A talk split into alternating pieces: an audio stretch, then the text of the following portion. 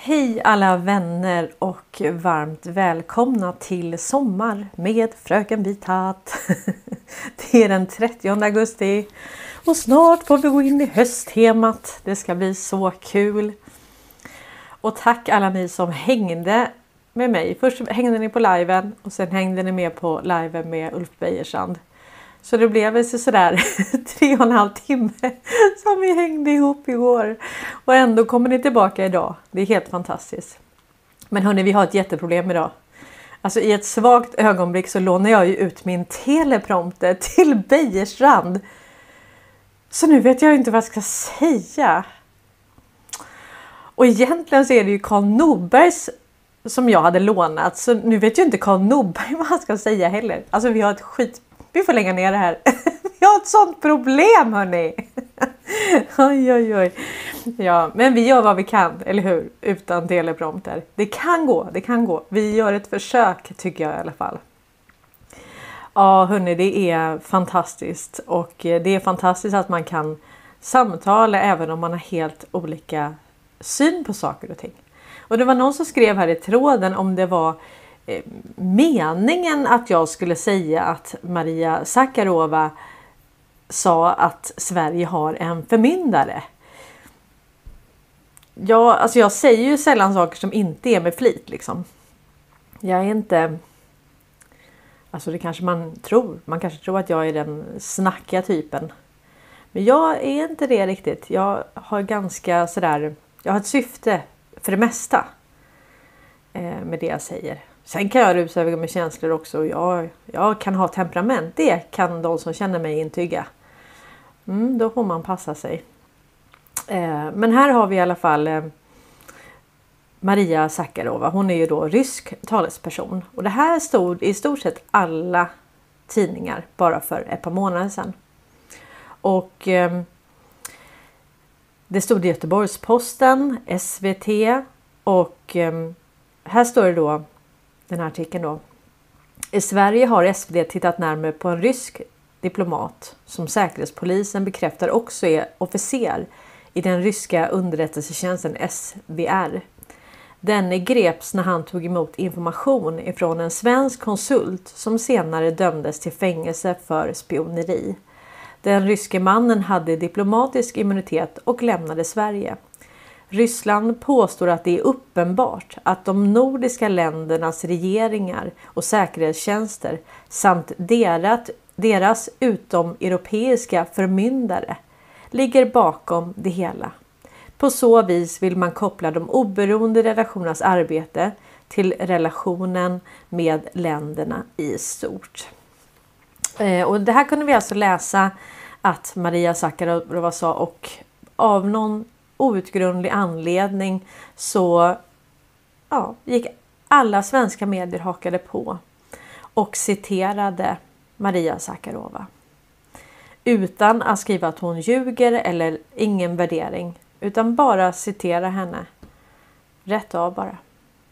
Och det här hällde ju inte lite vatten på vår kvarn som hade pratat om det här i ungefär två års tid att Sverige har en kontinuitetsregering, att vi är under belägring och varför.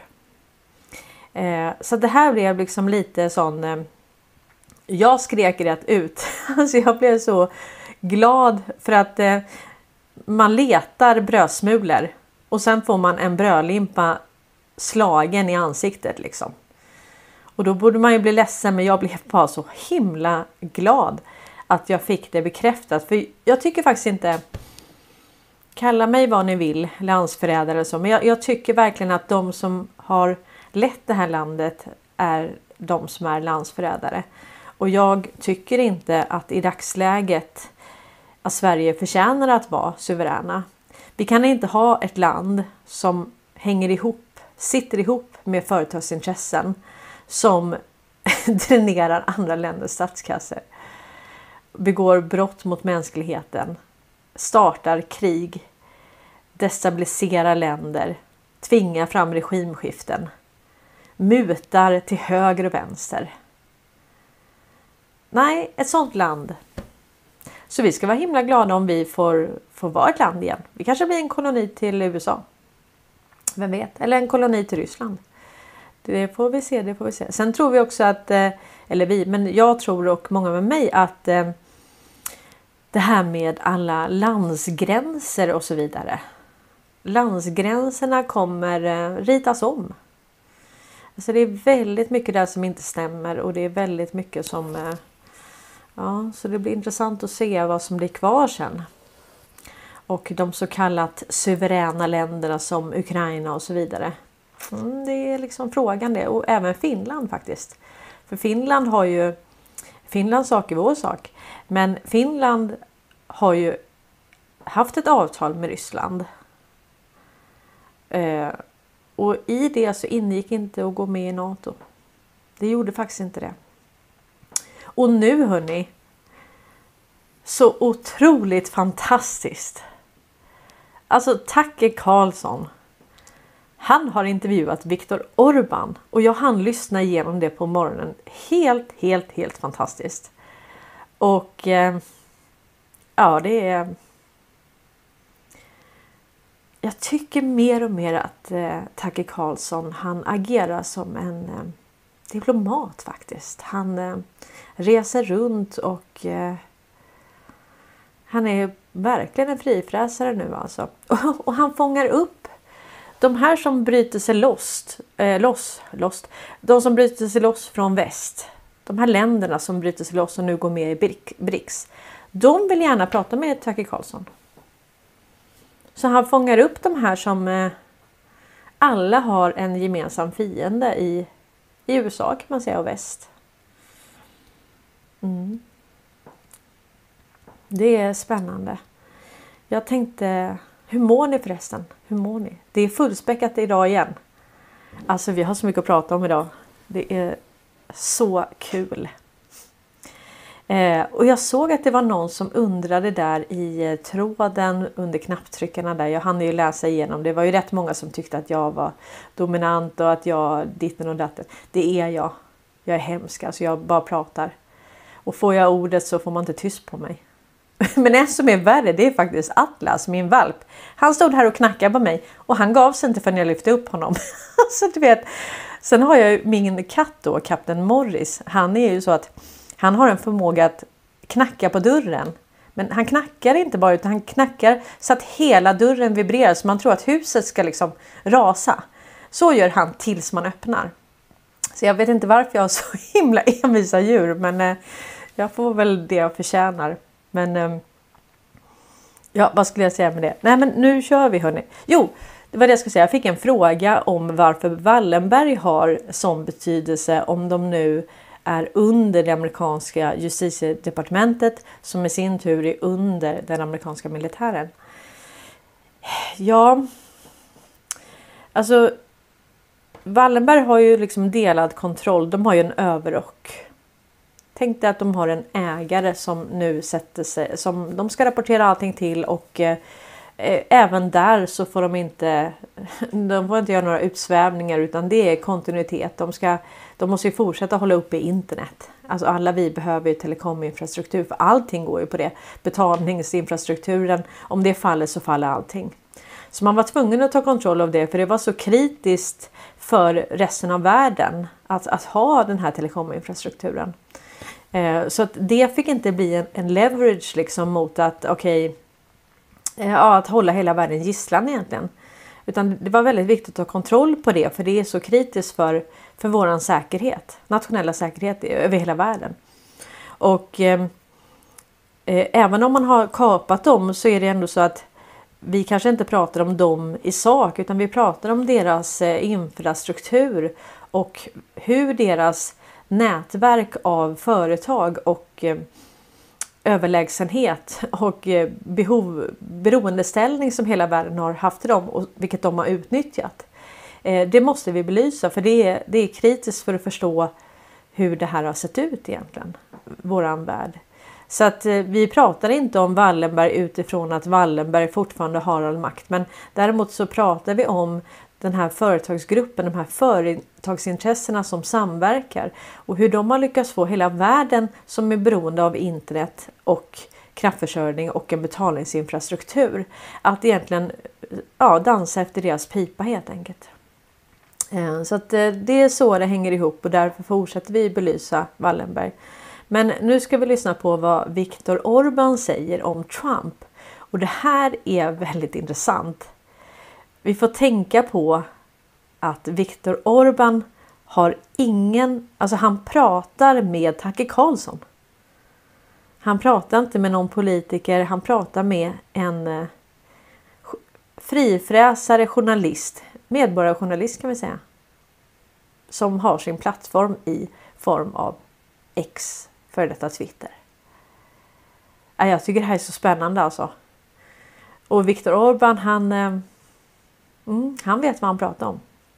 Man fick se också att han blev arresterad av eh, Alltså Ryssland ockuperade Ungern i 40 år och han blev arresterad och eh, ändå kan han för sitt lands säkerhet lägga det bakom sig och ha eh, en professionell relation till Ryssland eftersom att de har en gemensam eh, gemensamma intressen helt enkelt. Och här pratar han också om Nord Stream och eh, Southern Stream, vilket går genom Ungern bland annat. Han kommer rabbla vilka länder det var. Serbien, Ungern.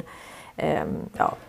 Och eh, där tog de i med hårdhandskarna. De sa det att om ni rör Southern Stream, om ni rör den så kommer vi agera, då, då tar vi det som en krigshandling. Och vi kommer klassa er som terrorister och vi kommer jaga ner er. Vi kommer agera direkt.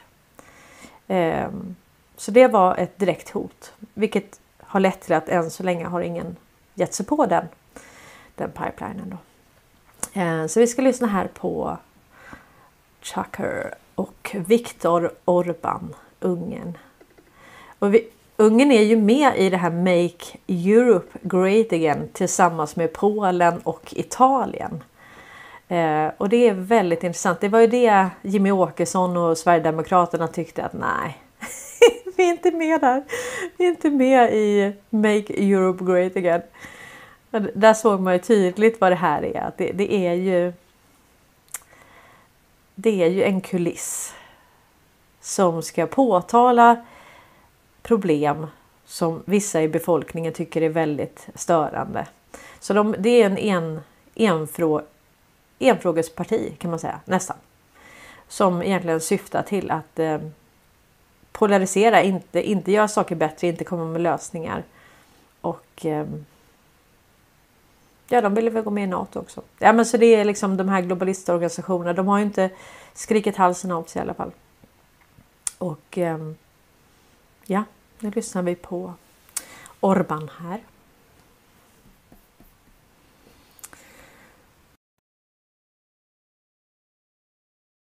In that way also, yeah.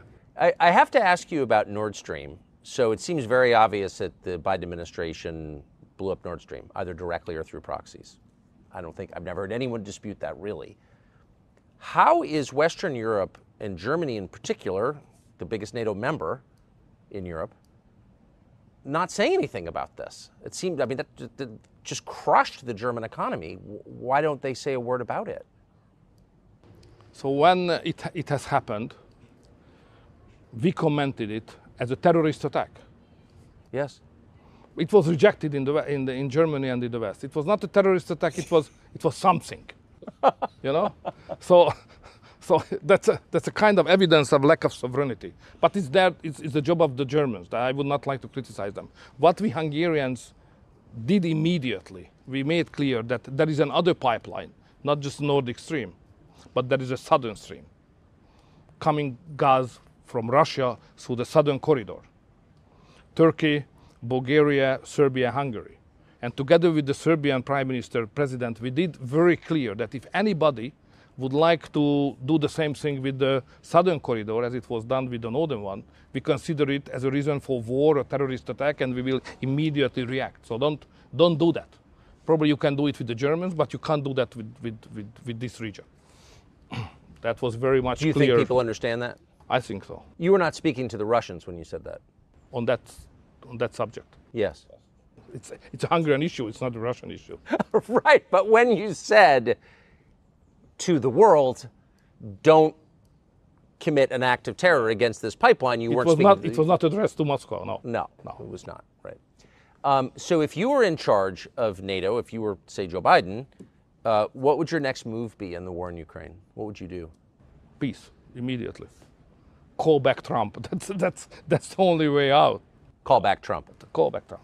Because, you know, you can criticize him for many reasons. I understand all the, all the discussion, but, you know, the best foreign policy of the recent several decades belonged to him. He did not initiate any new war. Yes. he treated nicely the, the, the, the North Koreans and, and Russia, even the Chinese, you know. He, he, he delivered a policy which was the best one for Middle, for Middle East, Abraham Accords. Yes. So, so that was a very good foreign policy. He, you know, he's criticized that he's not, you know, he's not educated enough to understand the word. But this is not the case. Facts count, and his foreign policy was the best form for the world in the last several decades I have seen. And if he would have been the president at the moment of the Russian invasion started, no, it would, it, it would be not possible to do that by the Russians. So Trump is the man who can save the Western world and uh, probably the human beings in, uh, in the globe as well. That's, that's my personal conviction.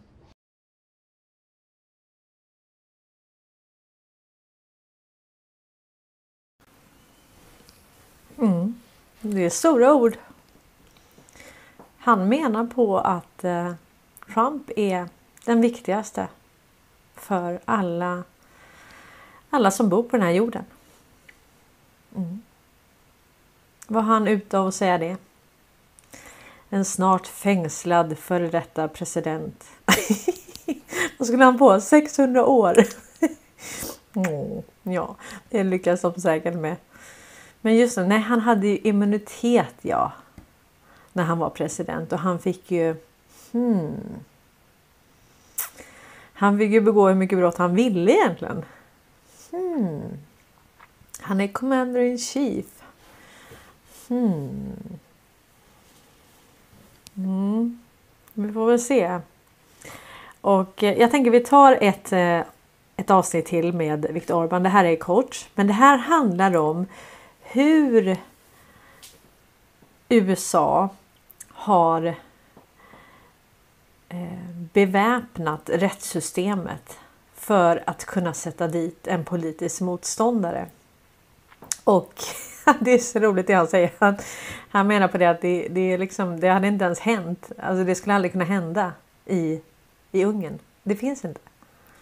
Det finns inte. Så att eh, vi ger eh, Viktor Orban en och en halv minut till. Jag tycker det här, det här är en fantastisk intervju. Och eh, mm. De säger nu att det är mycket som pekar på att det är Ukraina som ligger bakom den här sprängningen av Nord Stream. Och eh, tillsammans med USA. Jag tror inte Sverige är oskyldiga i det här alltså. Det får vi se.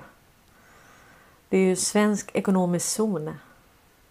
Så att eh, det var väl Sverige som tyckte att det här inte skulle utredas heller.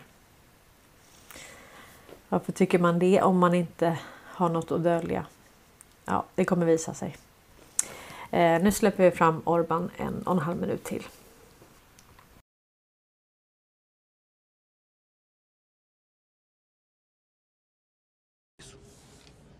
Ask you one last question about Trump, since you brought him up a couple of times. You were just in an election that I know your staff was worried you might lose. There was an open question. You won pretty sizably, but it was a real election.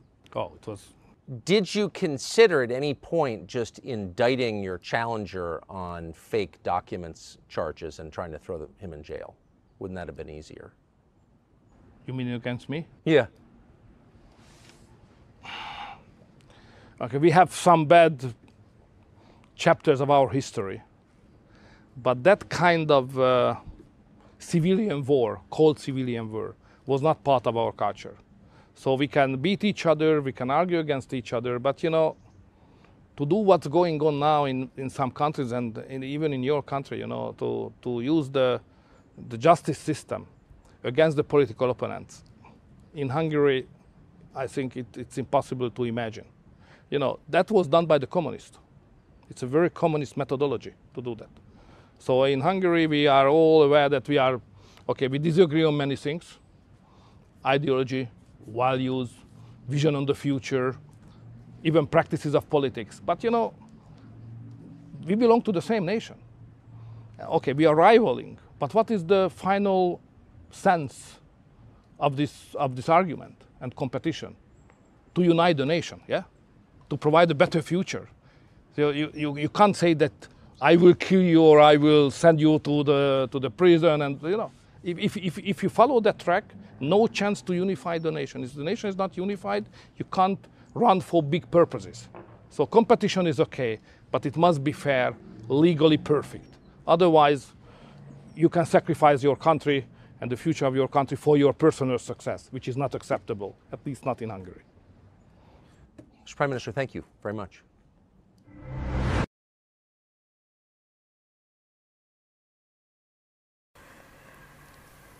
Ja, oj, så. Ja, nej, inte ens i... Eh, inte ens i Ungern. Alltså det, det är det som är grejen va. De har ju berättat för oss att det här är diktatorer och alla som är... Alla som inte vill spela efter västs pipa och den djupa statens pipa. De har ju blivit sanktionerade hela tiden. Jag menar, tänk att Tänk att du har ett land som har kunnat sanktionera hela världen så fort de inte... Så egentligen har ju inte Wallenberg... De har ju inte behövt stänga av elen. Ja, men det har de gjort i i vissa lägen. Stänga av saker. Men ofta har man kunnat lösa det genom, genom EU eller genom väst, USA. Då eller inte USA utan det är egentligen Washington DC. Och Washington DC är ju ett utländskt territorium. Det tillhör ju inte USA. Och det är just nu ockuperat av den amerikanska militären. Så att Washington DC var ett område, ett utländskt territorium som inte tillhörde USA och där man gick in och tog, eh, man ockuperade den makten. Så man har en kontinuitetsregering i form av Biden för den konkursade, eh, det, det konkursade företaget USA. Eh, så att det blir fel också. Jag tänkte på det lite sådär i vissa som skriver till mig och så. Det blir liksom fel när vi pratar om länder hela tiden. För, för det handlar inte om länder. Det har aldrig handlat om länder. Utan det har handlat om eh, den djupa staten och de som under lång tid har försökt motverka den djupa staten. Och då tänker jag inte bara på den här konstellationen utan jag tänker på alla länder som har försökt sticka upp mot de här företagsintressena. Och det är många länder som har försökt det. Och då har det blivit eh, destabiliserat, regimskiften och så vidare. Så att eh, de har hela tiden haft eh, ja, ett överhand hela tiden. Så att de har kunnat tvinga hela världen att, att eh, dansa efter deras pipa. Och det är oavsett land.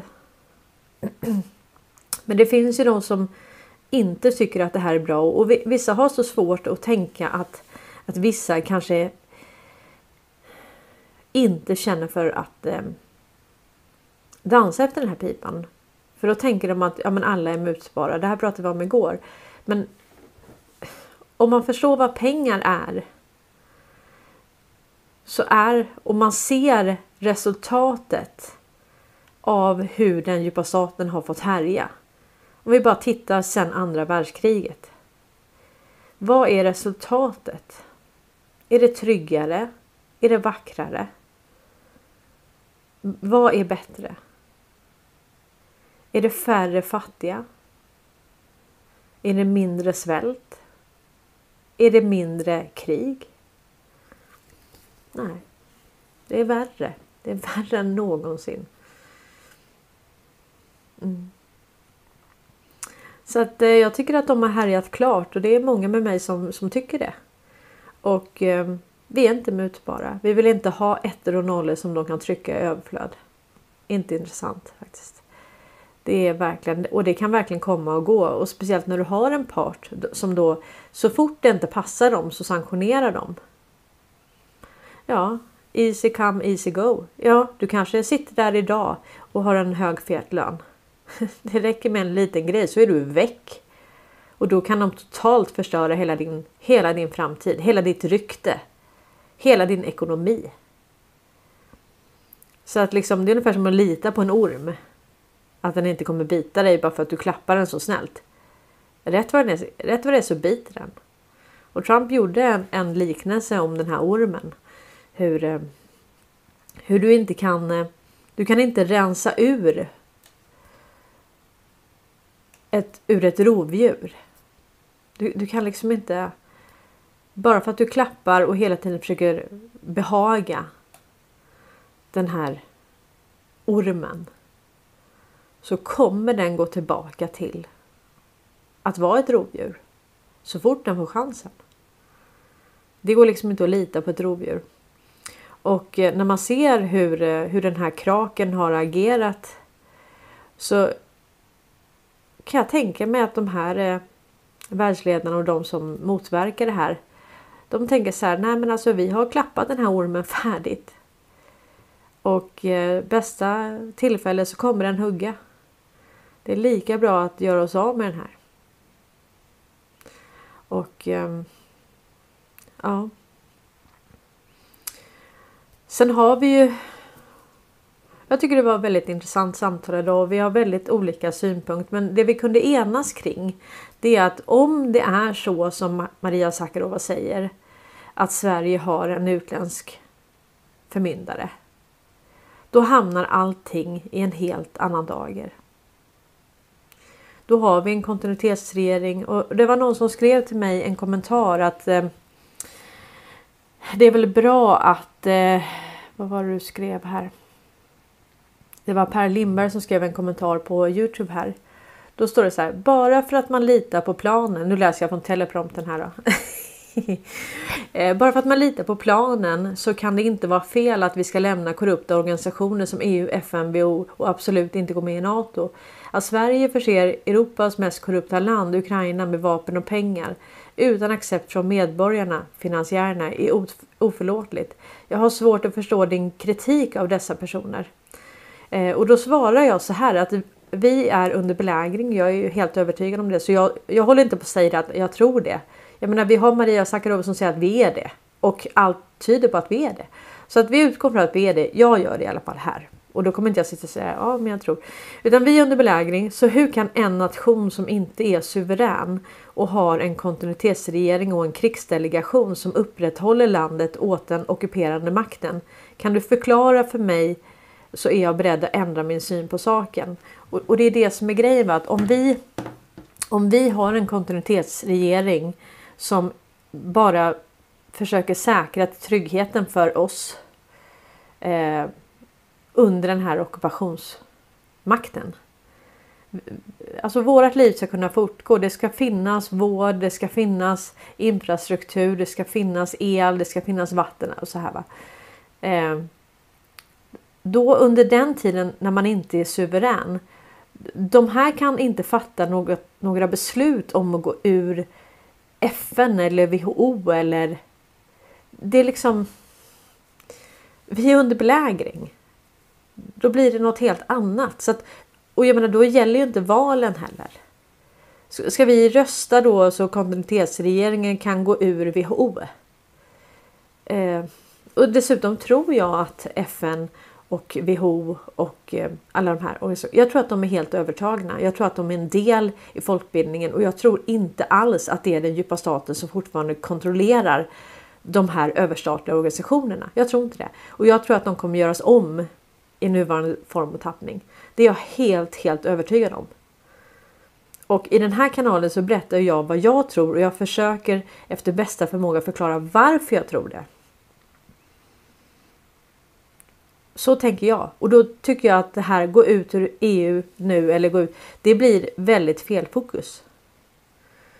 Jag tycker att vi behöver verkligen med tanke på vad Sverige har gjort mot omvärlden så behöver vi visa omvärlden Ja, lite som Tage Karlsson gör. Åker runt och ändå försöker be om ursäkt. Å sitt lands vägnar. Och vi genom att upplysa våran befolkning om hur det här systemet har fungerat, hur det har varit riggat emot oss. Dygnet har bara 24 timmar. Jag gör vad jag kan för att sprida den informationen. Och om man upptar andras tid med att diskutera saker som inte har betydelse i det här läget. Så ta det fokus från det som verkligen, verkligen betyder någonting för andra människor och det är till exempel det finansiella systemet. För alla behöver pengar för att kunna äta sig mätta, bo någonstans och försörja sig själv och sin familj. Alla bryr sig inte om frimurare. Det påverkar inte min vardag. Det kan vara så att Wallenberg är frimurare också och då, som grädde på moset. Det är ju hemskt i sånt fall. Kanske. Jag vet inte ens vad frimurarna är. Vi har fått en bild av frimurarna och det, den är inte positiv.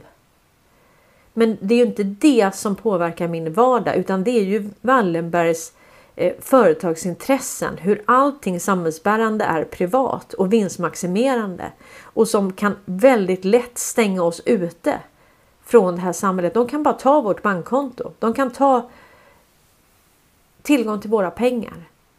De kan göra så att vi inte kan ha någonstans att bo. Det är fullt möjligt för dem. De kan bara stänga av oss när som helst. Och Det här finansiella systemet består av räntebelastad skuld. Och den här räntan, den är, det är så mycket nu så det, den kommer aldrig någonsin kunna betalas. Inte med alla pengar i världen och inte, ja men du kan inte ens skapa så mycket pengar. För den bara ackumuleras ju. Den slutar ju. Det här monstret måste man hela tiden klappa och eh, ge näring. Hela tiden. Men det här monstret kommer ändå äta upp oss. Det, nu kommer jag faktiskt tänka på en liknelse som jag har med i Ekonomikollaps 1 tror jag det är när jag har ett klipp från Cervenka. Och där säger han just att det finansiella systemet har blivit ett monster som vi hela tiden måste klappa för att det inte ska äta upp oss. Men grejen är så här att eh, antingen så dödar vi det här monstret och det gör vi genom att avskriva skulder. Det, det, är liksom, det finns inget annat. Problemet är skuldberget och räntan. Det räcker inte med att avskriva räntan i det här läget utan vi måste avskriva skulden.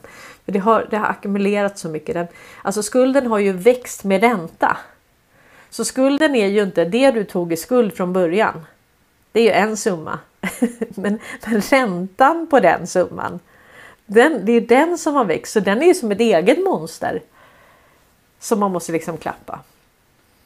Och eh, den kommer att äta upp oss oavsett om vi inte stryk, ja, stryker skulderna då. Så att det, det är ett måste, det kommer det bli. Det, det finns liksom inget annat. Och, och, jag menar den här, det här monstret då, den här räntan som har växt. Eh, vad har den för existensberättigande? Det här är alltså privata banker som har godtyckligt sagt att vi ska ha tillbaka den här räntan på det för att agera mellanhand mellan till exempel köpare och säljare av en fastighet. Då går de in som garant och säkerställer affären och tagit en ränta på det. Och det här, de är ju självutnämnda. Vi har väl aldrig sagt att vi är okej med det här finansiella systemet. Det finns ju inte. De har ingen rätt, absolut ingen rätt till våra pengar. Det finns inte på kartan att de har rätt till det. Så att ehm, det här ehm, det måste bli på det viset helt enkelt. Och jag tror ju som jag sa att jag tror ju att BRICS är QFS. För QFS är ju egentligen bara att det är kvantumbaserat. Att det nya finansiella systemet är kvantumbaserat. Eh, och det är ju inte konstigt för att jag menar Ja, det är ungefär som att säga att det, det nya finansiella systemet går på den senaste teknologin. Ja, men det är väl klart att den gör. Varför skulle man, skulle man ta det på ett gammalt icke-kompatibelt eh, finansiellt system som eh, eh, som är hackbart och som inte alls är säkert. Nej, jag tror inte det i alla fall. Det, det, vi, pratar ändå, vi pratar ändå länder som Brasilien, Ryssland, Kina, Indien. Vi pratar om liksom och Sydafrika. Vi pratar om de länderna. Nu har vi Argentina och ehm, eh, alla de här andra länderna, Iran och Saudiarabien och Förenade Arabemiraten. Det är väl Förenade Arabemiraten förresten som ger varje gång ett barn i eh, Förenade Arabemiraten fyller 18 år så får de motsvarande en miljon kronor. Som en start liksom. Så att eh, och, och, det är ju så att ja, jag läste också någon annan kommentar om eh, det här med den, alltså det här med skatt och så. Det är ju så att eh, ja, så här var nog frågan att hur, hur blir det med eh, vår samhällsinfrastruktur? Pension och så vidare. Eh, ja, om man liksom eh, eh, om man inte betalar så mycket skatt.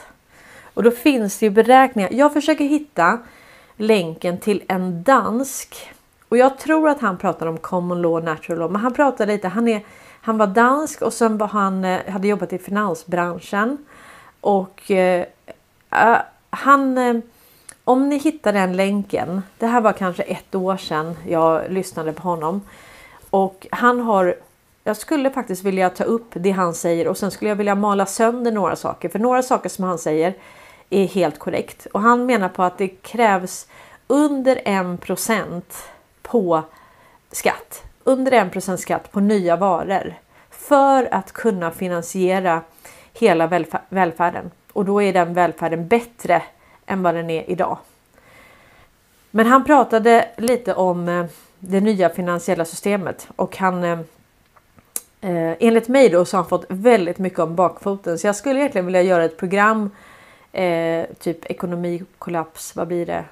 Ja, fem eller sex, jag vet inte hur många jag har gjort. Men en ekonomikollaps där jag tar upp eh, olika episoder från det han säger. För det här var något tal han höll eh, om det var i Bulgarien. Ni som känner igen det här, skicka gärna länken till cornelianfiltered.gmail.com eller på Messenger. Det är svårt att se det här på Youtube.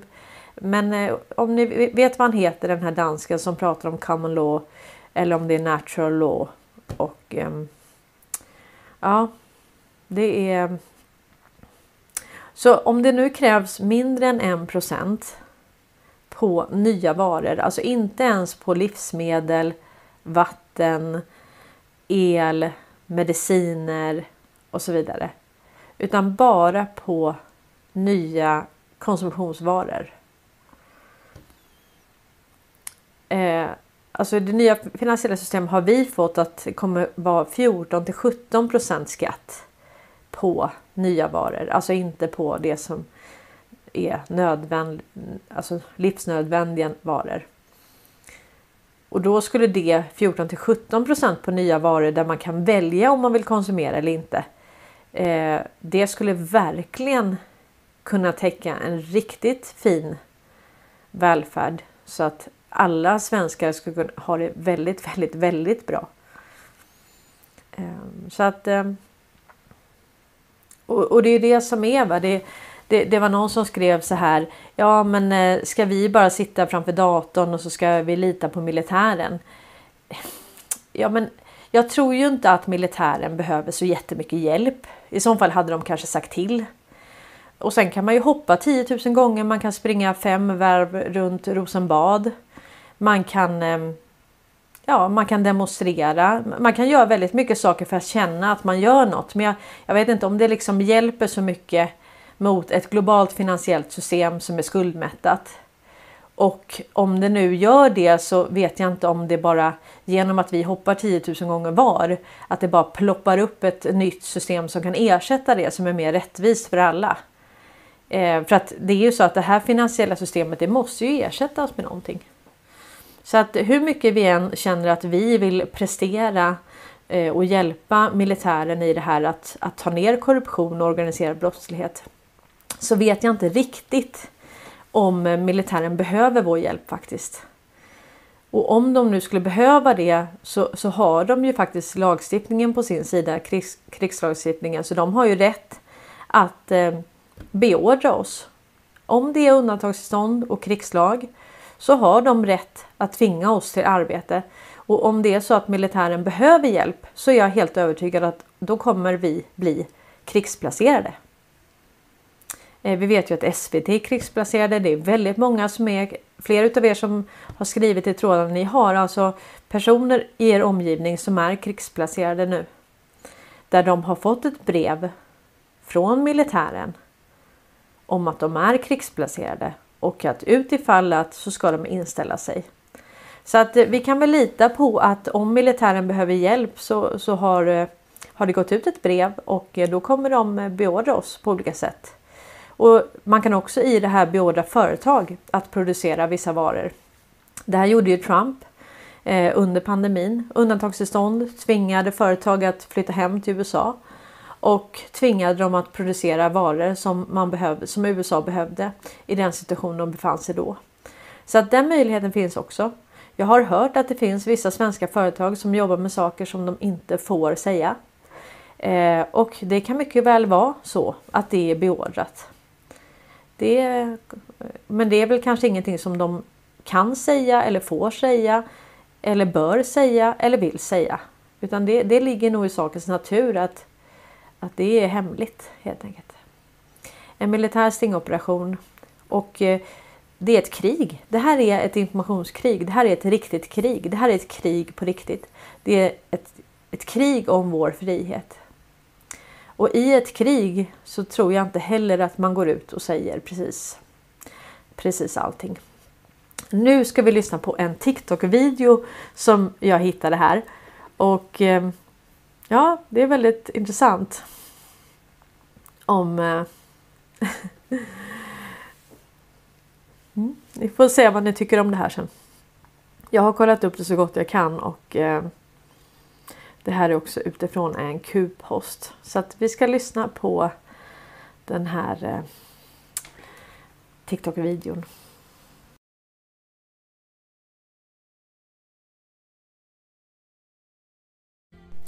Hello, Patriots. Do you guys want to see a strange coincidence? So, uh, Donald Trump posted this on Truth, August 25th at 2:44. Remember 244. So let's take a look at this first. Breaking the mug shot heard around the world. Stop. Hold up. The shot heard around the world. That's a strange coincidence. The shot heard around the world. What are the odds? So, 244. Let's look at post 244, shall we? 244 says, Less than 10 can confirm me. Do it, Q. Coincidence? I don't think so. Twitter retweet. Coincidence? I don't think so. Twitter keywords. Coincidence? There are none. Pics? Coincidence? No. Meant only for you. God bless. I just want to go back to this drop real quick. The shot heard around the world.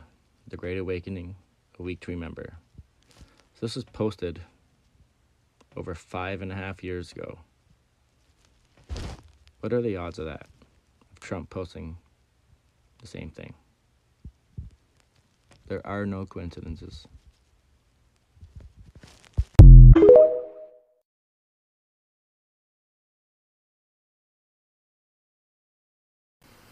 Ja, det var ju det som greven sa faktiskt. Han var den första, greve Conny, han var den första som, jag, som gjorde den kopplingen med the shot heard around the world.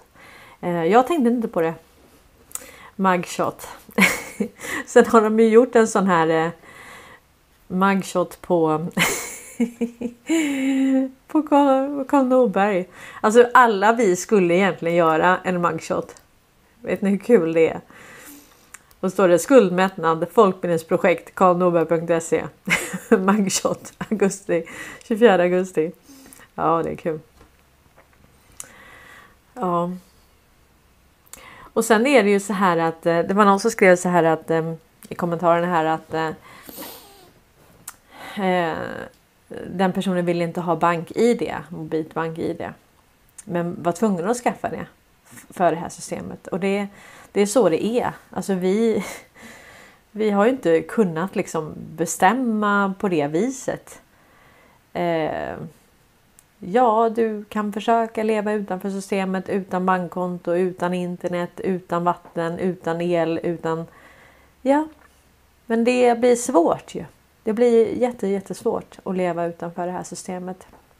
Och har man inget bank-id eh, nu pratar man ju om att ta fram ett statligt bank-id och det är självklart att vi ska ha ett statligt bank-id som inte har med banken att göra utan som har med allting, Försäkringskassan, allting som är statligt. Och GW Persson var ju den som gick ut eh, under pandemin. Han skulle vaccinera sig, jag har berättat det här, men han skulle vaccinera sig och sen var han tvungen då att eh, när han skulle beställa tid för att få den här statliga servicen som var gratis så var han tvungen att ha ett mobilt bank-id från privata banker. Och det här sa han så tydligt och det var ju första gången som jag har hört i alla fall att man har gjort den distinktionen mellan eh, det statliga och det privata. För det har ju liksom vävts ihop. Man har ju nästan trott att, att du vet, bankerna är statliga och, och att Riksbanken är statlig och så vidare. Men det, Riksbanken hör ju ihop med det här globala finansiella systemet sedan 1951. Så att eh, då man gick med i, i Världsbanken och eh, 52 tror jag man gick med i Internationella valutafonden. Så att eh, ja, det här är. Det här är väldigt. Väldigt spännande att se, men vi. Så även om vi sätter oss på tvären och säger ja, men vi gillar inte att det är militären. Nej, men anledningen varför militären kom det var ju för att det var genomkorrupt. Så det var inte så att de kommer på en vit häst och ska rädda oss utan de kommer ju faktiskt för att frihetsberöva det här landet. Alltså de som har styrt det här landet. De är frihetsberövade. De, de är under ockupation. Och vi, vi är bara medborgare här och vi ska ju inte lida av det. Och det här är ju inte Vi vet så mycket som vi behöver veta i det här läget. Och man droppar ut information så att fler och fler ska förstå. Så att man har byggt upp en trupp, en gräsrotsrörelse som kan hjälpa till med folkbildningen och förklara för andra vad det är som händer. Så man droppar ut information, aktiverar digitala soldater som kan hjälpa till i folkbildningsprojektet. Sen, ju fler som förstår, ju fler som vet, ju mer kan de droppa information. Och sen har man då en hel grupp med folkbildare som kan hjälpa till och förklara för andra vad det här är så att vi inte får en revolution och så att vi får minimalt med lidande. Planen är genialisk. Planen är helt genialisk.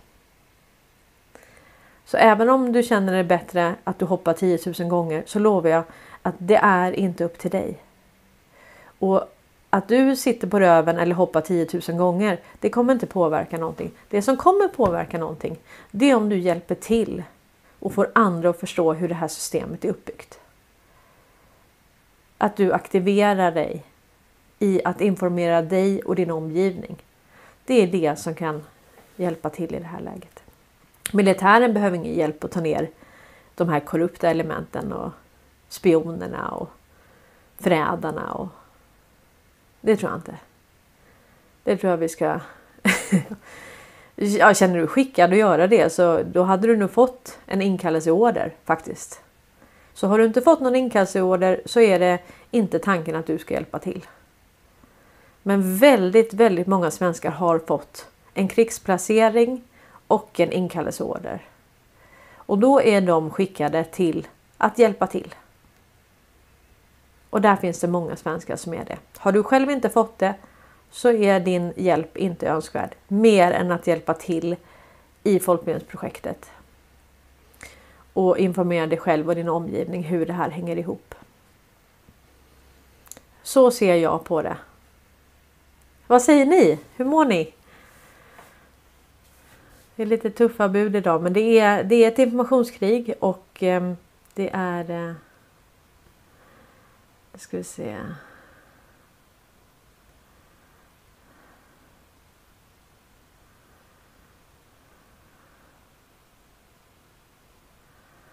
Eh.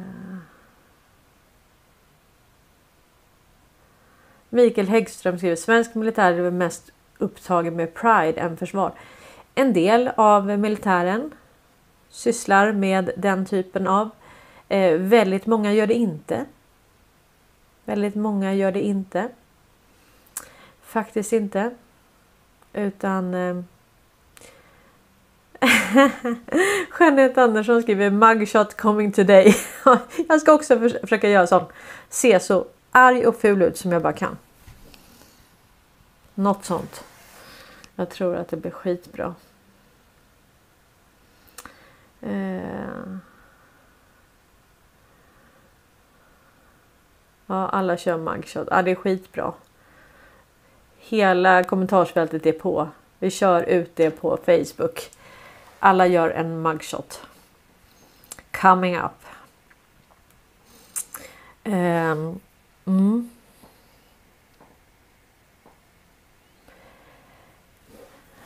Nu kommer ju en artikel här.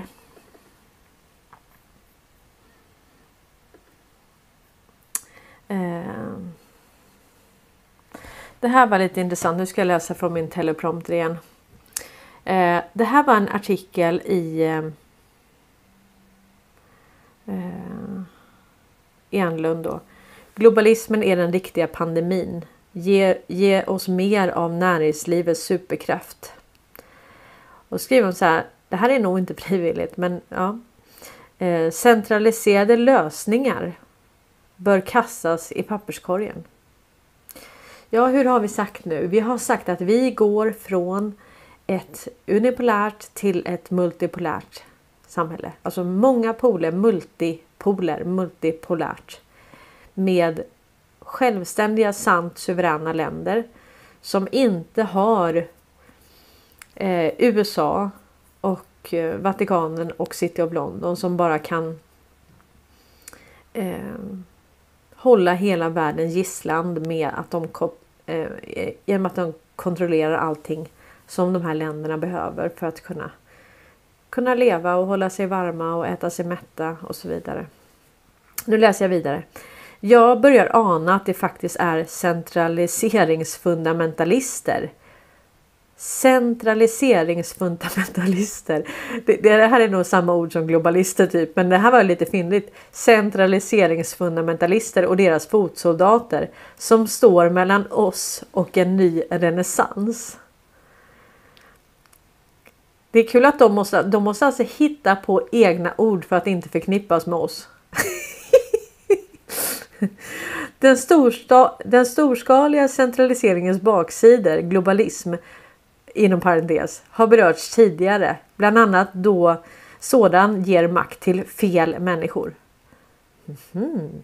Men i betraktande är att världens centraliseringsentusiaster, jag har inte fundamentalister den här gången då, fortsätter att flytta fram positionerna är det hög tid att frambringa ytterligare aspekter som de eventuellt förbesett, ej förstått eller fått oss att tiga om. Det, det här är alltså affärsvärlden. Hela den här artikeln är läsvärd faktiskt. Eh, därför framförs här tre ytterligare skäl till varför Tanken på storskaliga och centraliserade lösningar bör kastas i papperskorgen. De höjer risken för fullskaliga katastrofer. De underminerar produktionen av kunskap och den ekonomiska utvecklingen och bör även avfärdas på etiska grunder. Hmm. Risk för katastrofer kanske till och med en förutsättning? Ett samhälle utgör ett komplext system Komplexa system får egenskaper som uppstår på grund av beroenden och interaktioner mellan dess delar. Detta gör det omöjligt att förstå helheten genom att titta på delarna. Ja precis, det är det de gör. De ger aldrig helheten. De hjälper oss inte att korstabulera. Utan de tar en liten del och så blåser de upp det till gigantiska oproportionerliga proportioner. Nu läser jag vidare. Fjärilseffekterna är en konsekvens. En, lites, en liten händelse kan ha långtgående och oförutsägbara konsekvenser. Ett sådant system kan jämföras med ett snår av björnbärsbuskar. Det har jag på min tomt. Det är väldigt jobbigt. Allt är sammanflätat med allt annat och det enda du vet med säkerhet är att du kommer få erfara oavsiktliga konsekvenser när du vill komma åt bären. Ofta smärtsamma sådana, ja de kan stickas.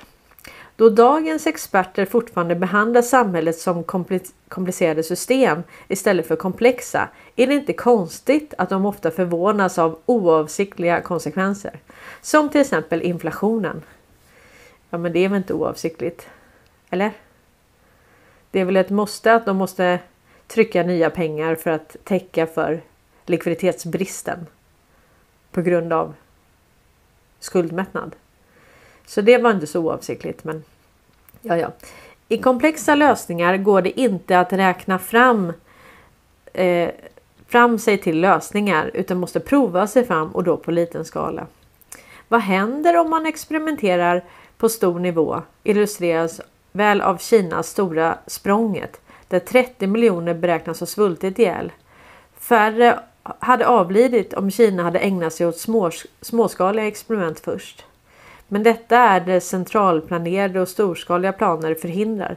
Istället för att flytta makt till FN, EU eller WHO är det bättre att inte lägga alla ägg i samma korg. Storskalighet är rent av en förutsättning för systemkatastrofer. Alltså så här har det verkligen inte alltid låtit i mainstream media. Innan komplexitetsvetenskap talar man om en balans mellan ordning och kaos.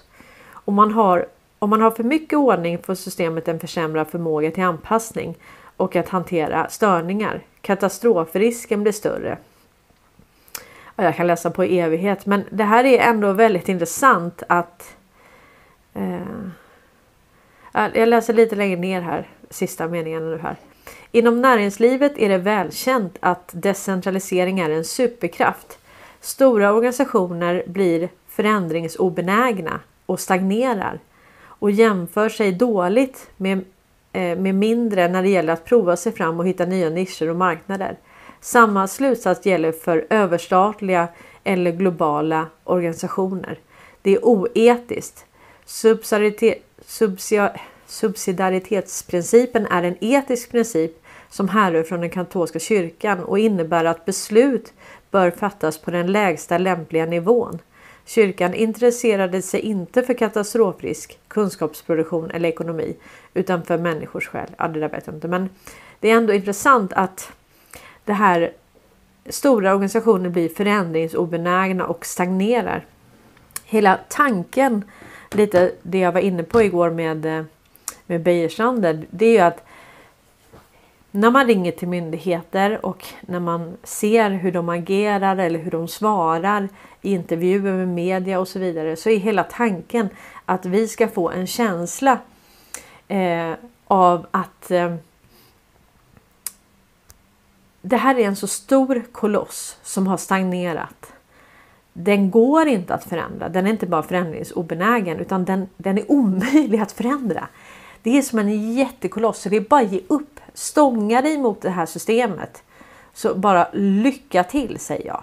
Och det, är den eftersmaken de hela tiden har velat ge oss.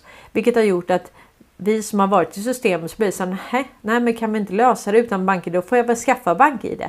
Ja men vad ska vi göra? Du kan sitta där mot vals liksom. Bara jag kommer inte göra det. Men samhället kommer inte förändras. Och, och det är det som har gjort människor passiva. Det vi ser nu det är att samhället förändras i en väldigt stor takt och många försöker eh, förstå vad det är som förändras och varför, hur det förändras. Och det är där vi är behjälpliga i hur det här förändras. Så vi är allt annat än passiva. Det här är faktiskt mitt 60 avsnitt i sommar med Fröken Vithatt. Jag har kört i stort sett varje dag. Eh, så vi är allt annat än passiva. Och den kraften som vi har tillsammans den gör att deras narrativ bara faller till marken direkt. Och det var någon som frågade mig vad gårdagens... Eh, hmm, tack! Mats Palsvig heter han. Mats Palsvig. Det var någon som frågade mig vad gårdagens eh, eh, avsnitt tog vägen och jag fick ju en strike på den. Så den blev blockerad i vissa länder inklusive Sverige. och det var ju för den där Biden-videon. Jag tror det i alla fall för jag, jag tog bort musiken och så hoppades jag på att det eh, ja, att den skulle gå igenom den. Men jag tror inte att den gjorde det. Så det var nog någonting mer de hade mot den videon igår. Men jag har lagt upp den på Telegram, X, Rumble, Facebook. Och jag hoppas att jag kan gå in idag och korrigera så att den kan synas på Youtube igen. Um, mm, det, det, det, var inte populärt helt enkelt. Eh, så jag tror inte i det här läget att det var att jag inte taktade Folkbildningsprojektet utan jag tror att det var helt enkelt att det var eh, någon som hade producerat det där, någon musik liksom som eh, jag tror att det var så. Vi, vi, får se om jag vinner den där överklagan när jag eh, eh tog bort själva musiken. Eller om de fortfarande ligger sura. Eh, men eh, så att den finns att hitta gårdagens live. Och eh, gå jättegärna in och kolla på den med eh, Ulf Bejersson också. Jag tycker ändå att eh, jag är dominant. Jag pratar mycket. Så fort jag får chansen så pratar jag. Det, det, är väl därför jag sitter här och pratar hela tiden. För att jag har mycket att säga liksom.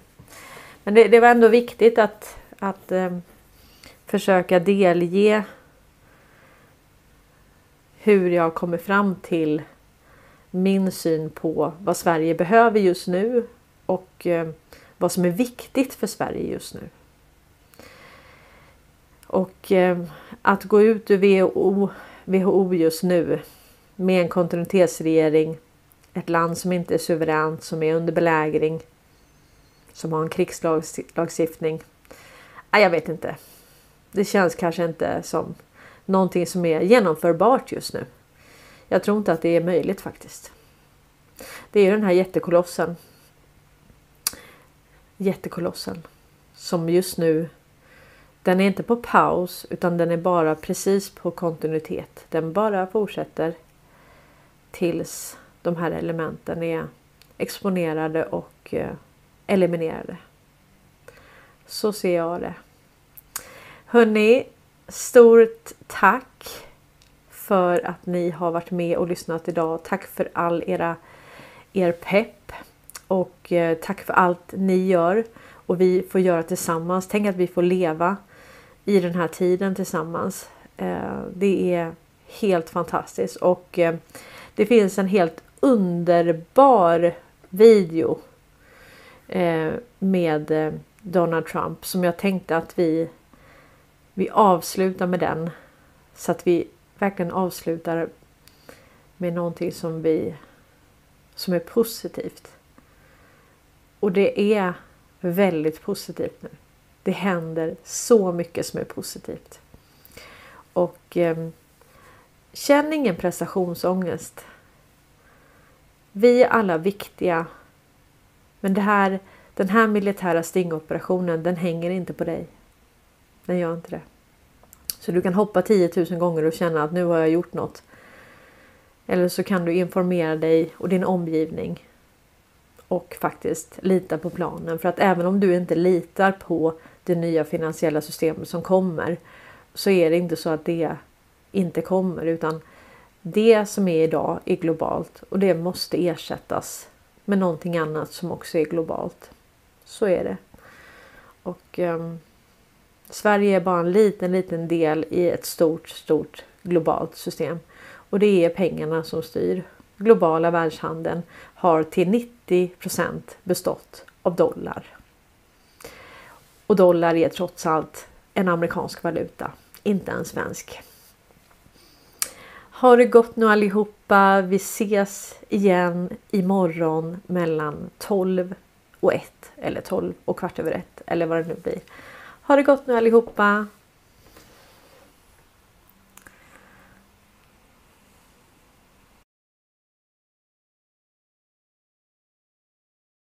Remember this nothing worth doing ever, ever, ever came easy. Following your convictions means you must be willing to face criticism from those who lack the same courage to do what is right. And they know what is right, but they don't have the courage or the guts or the stamina to take it and to do it. It's called the road less traveled.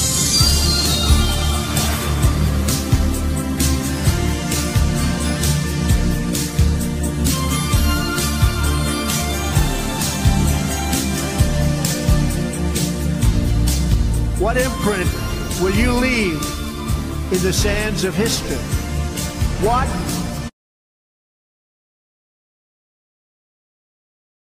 will future Americans say we did in our brief time right here on earth?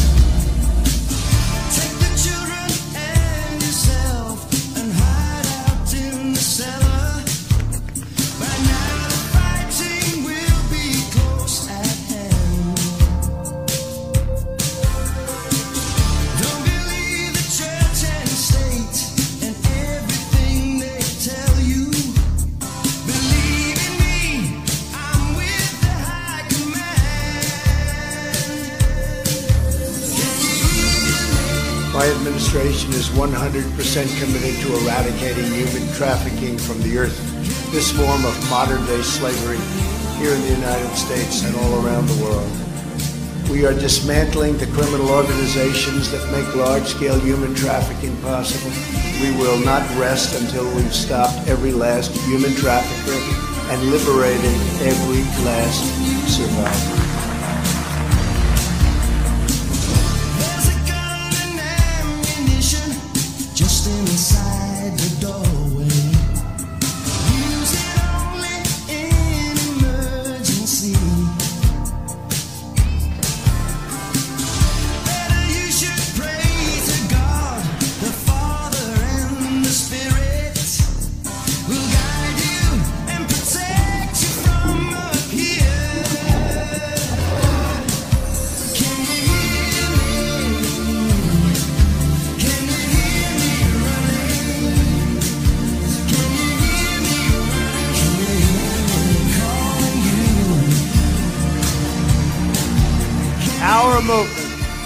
Replacing a failed and corrupt political establishment with a new government controlled by you, the American people. There is nothing the political establishment will not do, no lie that they won't tell, to hold their prestige and power at your expense. The Washington establishment and the financial and media corporations that fund it exist for only one reason to protect and enrich itself.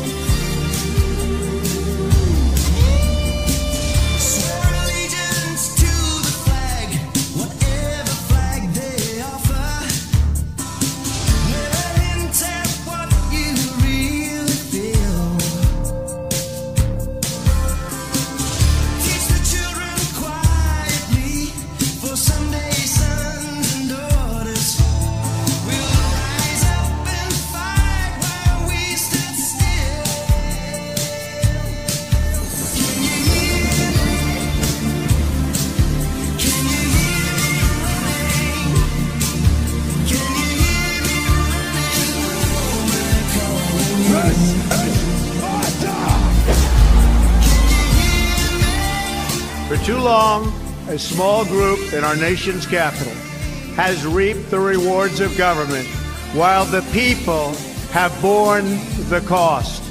Whether we are black or brown or white, we all bleed the same red blood of patriots. When America is united, America is totally unstoppable. There should be no fear. We are protected, and we will be protected by God. Did we challenge accepted wisdom? and take on established systems? I think I did, but we all did. And we're all doing it. Or did we just go along with convention, swim downstream so easily with the current, and just give in because it was the easy way, it was the traditional way, or it was the accepted way? I know that each of you will be a warrior for the truth, will be a warrior for our country and for your family. And as long as America remains true to its values, loyal to its citizens, and devoted to its creator, then our best days are yet to come. I can promise you that.